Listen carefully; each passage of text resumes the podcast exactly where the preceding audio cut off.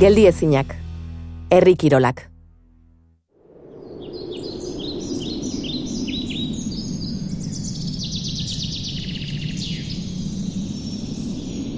Gauza gutxi egongo dira Euskal Iruditerian herri kirolak bezain garrantzitsuak direnak.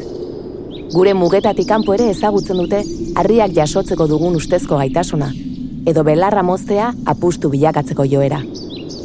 Baina Euskaldun guztiak ezkara herri kiroletan adituak eta arituak.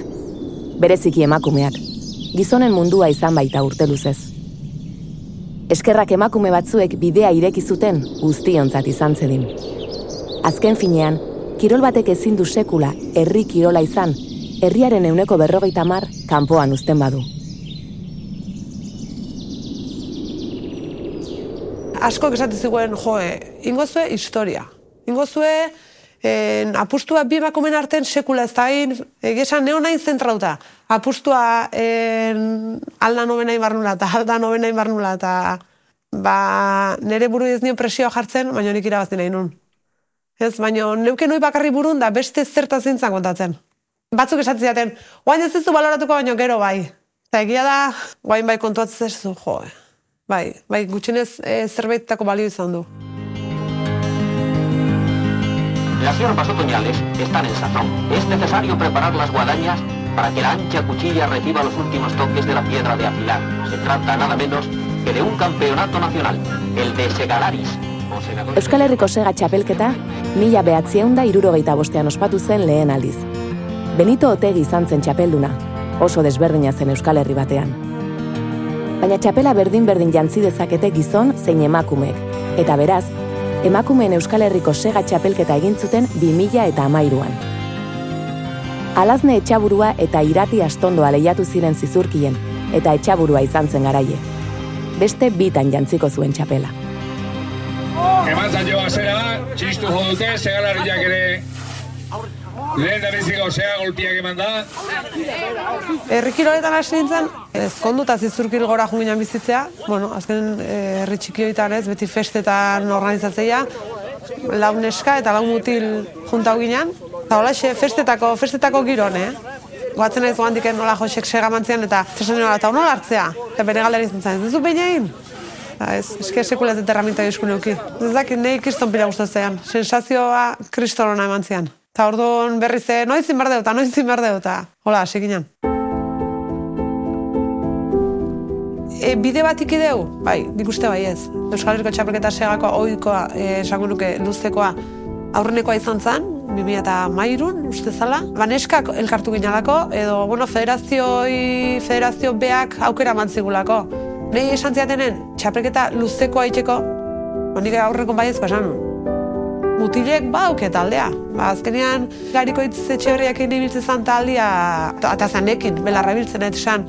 Nik ez dinet esan, ez, eske nire ditzen txapelketan atea, ez nekalako taldea, ez nekalako jendia onduan. Kio. Ez ba izatea da, nik nahi ez detelako. Nik ez dindet inungo momentu esan, eske ez dindet. Ez ez, ez den nahi ez da ezin dut. Bia, ez dakar rekordo bat, en, atean nintzen aurreneko urten sega zorrozten, igorrez naholai. Eta bai dakat sensazioi, ba, jo, sega bota hartu, eta sega zorroztea zazen momentu ez, txapelketan plaza ateatzanekoi, jende behitzizu aurpegi bat egin, kao, inok, neskak sekula etzan plaza azaldu sega zorrozten. Baina etxe bai, Orduan, nirtzen nik indeten jende aurre azaldu. Horrek ez du esan nahi lehen diken inok ez zula egiten. Baizik eta jende aurre inorrez azaldu. Ez da, nik ezak sensazioi inok e, gutxi etxi digunik, oh, jo, emakumia segan nundik. Ez? Arraizten atean nintzaneko ordun bai, baina segan atean nintzanekoa ez.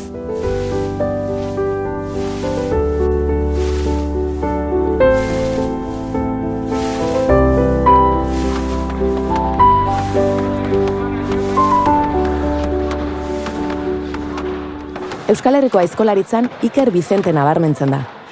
Hogeita sei urteko otxagabiarrak ondo daki txapelduna izatea zer den, behin baino gehiagotan garaia izan delako. Edo agian, badaki txapelduna izatea zer den, bere amak erakutsi diolako. Maribi saralegi baitu ama, emakumezko aizkoran aitzindaria. Aizkora da nire afizioik handina, e, aizkorak niri eman gehiena, asko, eta bueno, horrekin asko disfrutatu dut, nire saiatu naiz asko launtzen aizkorari. Ni plazara lehen alditzatean itzenen hemen otxagaben izan duzen, e, apustu bat inun gizon baten kontra, eta ze mile behatzireun da laro meika urtean. O, frontona dena bete zen, e, jende pilatik ustea, eta ez neon oitxuta, eta niretzat oso berri ezen. Orduan, ba, bueno, hola, sinitzen apustu baten. Igual letzitziun behin okurritu, baina nik hemen e, pro, apustu hori jokatu nunezke hosti, ba, bueno, eta zeatik etzate ba, bi ekasten daula, eta, bueno, gero plazaz plaza bi eizpe joaten ginen leku guzitan, txapelketa iketzen gure denba, porque bi eizpe bakarra ginen. Gero nik utzi nuenean hasi zen gipuzkoarra, itziargoenaga, eta gero iturenen ebazen bat, eta hortik hasi zen, da aurreneko txapelketan bat hasi zen jokatzen, baina nik ordurako ja utzitzen nuen. E, bai guk izaten genuen beti egurra entrenatzeko, anaiek eta egia da gehienetan guretzat erosi beharren eurrak ziela beraien sobranteak eta hola, baina bueno, moldatzen ginen da e, beti izaten ginen egurra bai, hortan ez ginen gu problemik.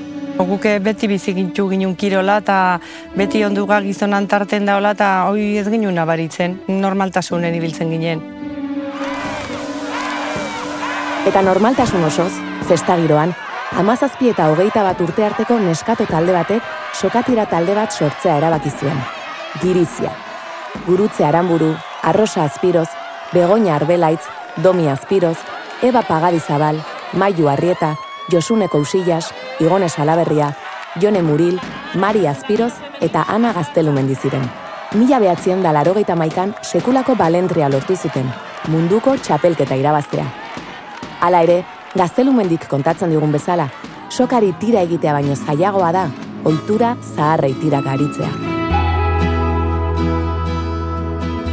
Bueno, ba, mutileak zeuden pixka bat hortan sartuta gure aurretik antzigoazten, eta haien atzetikan lehenengo e, Euskadiko txapelketara e, esan zigutenez, eta bueno, ba, ba, ba, goaz. Eta, bueno, bus gehoztikan hor larita sortzi, larita betzi, larita mar, eta larita maika, izan ziren oso urte polita guretzako. Lau urte horietan, bi pixuetan izan ginen txapeldunak, eta larita maikean munduko txapeldunak ere bai. Ba, parrandatik eh, sortu zan aizu, ba, mutilak iteu eta guz zergatik ez, da animatuko gea eta zea. Eta hori, pixka bat, ondo pasatzearen, jaian parte hartzearen, jaietan parte izatearen, eta, eta horrela sortu zen. Josean Fernandez gure entrenatzaile izan da urte horietan, eta egia esan berarekin asko ikasi genuen.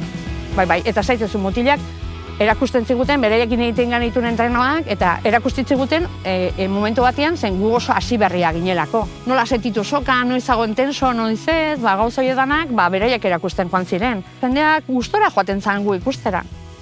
Eta ez genuen sekula, ez zer, desberdinik edo txarrik sentitu. Nik usteet, e, traba gehiago izan genituela e, entidatetatik. Bai, dirua biltzeko garaian, emakumei dirua eskintzeko garaian, hemen Gipuzkoako herrikiroletako federazioak oso gutxi lagundu zigun, adibidez. Eta behin munduko txapelketa irabazi genuenean, lehen biziko goza, egun berdinean eskatu ziguten ekipazioa. Eta ekipazioa, baina nolak ekipazioa, baina zer dituta, garbitu gabe nola ekipazioa ez bali mazute entregatzen ekipazioa, ez dizu egutziko berriz ere apuntatzen txapelketara. Ah, pues vale, ez ginen gehiago aurkeztu. Eta ordu arte dana irabazik eta genuen, eh? Eta horrela bukatu zangirizia. Hogeita bi urte zituela, miren urkiolak eunda hogeita mabi kiloko harria jaso zuen hiru aldiz bos minutuan. Haian hautsi zuen marka hori, berreunda laroge ikusleren aurrean. Begi asko, kirolari gazteari so, batzuk txalotuz, eta beste batzuk epaituz. Ez baita erraza bideak urratzea. Bien, ¿no? Con tanta gente mirando y apoyándome, pues bien. Así de contenta estaba Miren Urquiola esta mañana y no es para menos, ya que ha conseguido levantar nueve veces la piedra cilíndrica de 100 kilos en 5 minutos. Así era hortan, enezka bakarra nitzela, bide bat irikitzen nahi nitzela, enitzen konstiente. Ba, egi esan, e, azierak izentzien amairu bat urtekin errikirol esibizioa zeuen. Bertan, e, zelai eta beste batzuk gaizien. Dekusen ditun txinga batzuk iskina baten, da ama izan ama proen goet. Da hori amairu urtekin jaso nitun, da ziren bakoitza berrota mar kiloko txinga zian. Eta zelaik hori ikusintzun, da zelai azkenien. Eta komenta bintzien. Ba ber, guztoko litzeiaken harri jasotzen mundu hasi, proa hau, e, presioi gabe. Probatze aldea Olaxea hasi ginen, zelaikin hasi nintzen, eta azkenin beha da kulpabli ez, geho beste sortzi urte mundu hortan segi bizenana komentario txarra beti ondia. Hasi nintzen nien, da handi sortzi urterare egon izen dia. Barazkenien, e, area juteian gizonak edo makumek esateizue, o ez da lan eskantzako kirola, edo titika plasteko zeizkitzula, edo e, batzutan igual bajualdi baten mina matio badake ez, baina hoi ebitatzen ikisi bertezu, bai o bai. Aurretik ene hongo zien, baina danak iskutuen ibili dienak. Da beste emakume hauek etxien jarrote zianak laguntza bat edo apoio bat eukiko gale, seguramente ba igual herriko plaza hartengo zian, baina hartzen ingo ziala. Ez dakit bat e, sortu gendun edo edo hasiera bat izen zan, ez? E, beti otea hasiera bat e, gauza danetan, indako eginda, guztua eta oa nahi dunak segi daiela.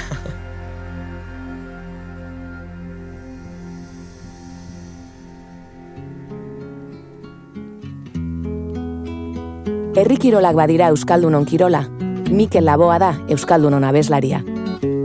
Mila aldiz abestu dugun izarren hautsa kantan, Donostiarrak zioen gu sortu ginen enbor beretik sortuko direla besteak. Burruka hortan iraungo duten zuaitz ardaska gazteak. Eta alazne, maribi, ane eta mirenek hasitako burruka hortan diar dute, miren, nerea eta karmelek. Izarren hautsa egun batean, bilakatu zen bizigai Hau txartatikan uste gabean Noiz bai gina den guer nahi. Eta horrela bizitzen gera Sortuz ta sortuz gure aukera Emakumen presentzia errekiroletan geroztan dilagoa da, baina ala ere oso maskulinoa da oain Nabaritzea, e, probatan ere bai nabaritzea, azkenen e, nesken presentzia gutxi jagoa da. E, alde hona iten nahi ez, e, bide hori irekitzeko beste neskak etorri nahi baldin maue, Baina egia esan danak elkarrekin lan egin behar deula, hoi lortzeko, eta neska omakume gehiago sartzen baldin maia, orduan eta indar gehiago ingo dugu, eta orduan e, geroz eta gauza gehiago lortuko ditugu, denak elkarrekin.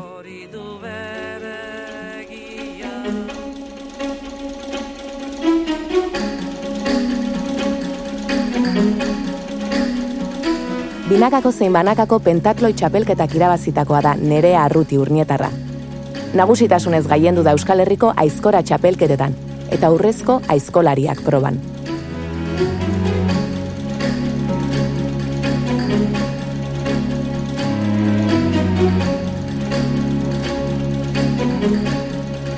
Bi txapelkia da bat abestearen atzetik. Aurren abinaka, irri fartxu, txapeldu! Zeatik ez e, errikiroletan sartu, probatu eta ea ze pasatzean egia esan en nula pentsatzen inoiz olako lorpenak izango nitula. Baina guain pozpozik eta egia esan hartutako dezizioakin e, oso oso harro. Neri beti e, eskuzabalik hartu jate, Ader, ikustea geho e, plazetan da azkenen e, jende helduagoa igual e, bai ikusteula e, o bidatzen zula en plan e, honez ze, ze pentsatze honea etorrita eta ez mutilen antzera ibilikoenik o, baina bueno, oie, demostrauta azkenen e, baiek ikusteu ere bai e, kapazak gehala eta herrikiroletan e, etorri gehala pues, e, gerra pixkat ematia, ez? Ba, igual nire sentzazioa izango da, baina batzutan bai sumatzetela gutxi etzi bezala egiten e, gaituztela. Igual ahi azkenen lanak motzagoa dira, ez dira e, gizonezko lan horieta e, gertuatzen. Orduan ikuste horiek e, behaiek bidatzeuela hoendik e, bai pauso badakazu emateko, ez?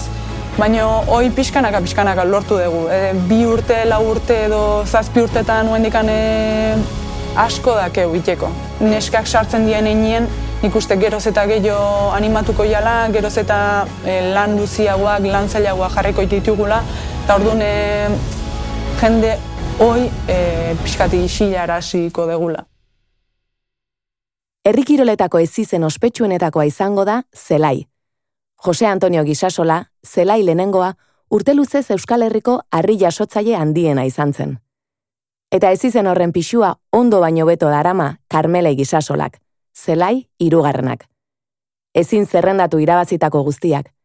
Xerpa aia izkolari txapelketa bakarka irabazi duen lehen da biziko emakumea da Gisasola. Lehendik garaikurreta txapelez betea zegoen zelaitarren etxea, orain, karmelerena gordetzeko lekua egin beharko dute. Aitak bola txikitsua da jozten, tamak txaleko bat. Eta etxin nuen probatzen, baina niretzako oso gauza arrotza zan. Ikusti beti didan ikustu izen jata eta oso gustora juten itzen txikitzen bai ikustera. Baina eiken hasi bai, amazazpi urtekin edo lan hasi nitzen zure generoko jenti espetuzunin ikusten bezez, pixkate jotzu atzera ez, lan hasiko naz ni harri jasotzen neskatxo bat beste inorrez dauenien zer esango dabe, zein izango zen nahi otela hasi, e, plazarazio, astu. Ez dakit pixka arrotza moduen edo, ba makumiok atzetik ikusi behar dugun gauza bat, eta triste bilantza jata ze errekirolak bazerreko lanetatik datoz, jo, sentitzot, pena hori ez, eta ez nire nire arraso gaiek nire emakume zera gaiek, eh? beste hainbat bebai kapasak izan zielako eta ez zielako egon hor plazetan erakustean edo, bueno, bezin izeben. Ezin izeben biderik zabaldu ez dakit.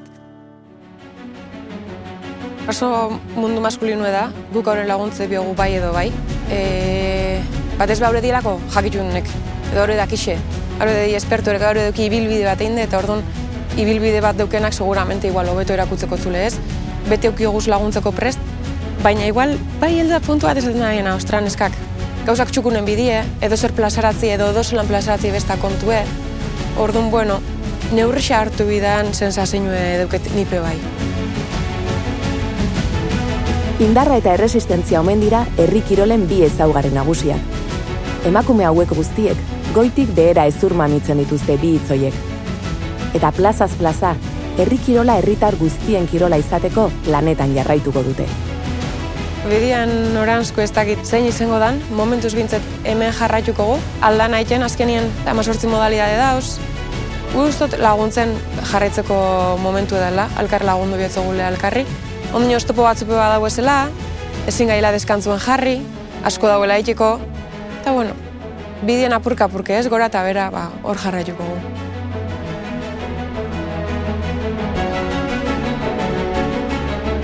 Europar batasuna, Next Generationek finantzatutako kanpaina. Suspertze plana, Espainiako gobernua. Geldi ezinak. Elmuga hasiera baino ez da.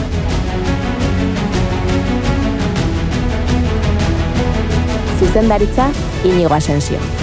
Ekoizten eragilea, Elena Etxebarrieta. Gidoia eta muntaia, Goiuri Ezeiza. Soinu postprodukzioa, Noiz Estudioa. Lokuzioa, Oiana Maritorena. Korima Filmsek Basque Team Fundazioarentzat eginiko ekoizpenak.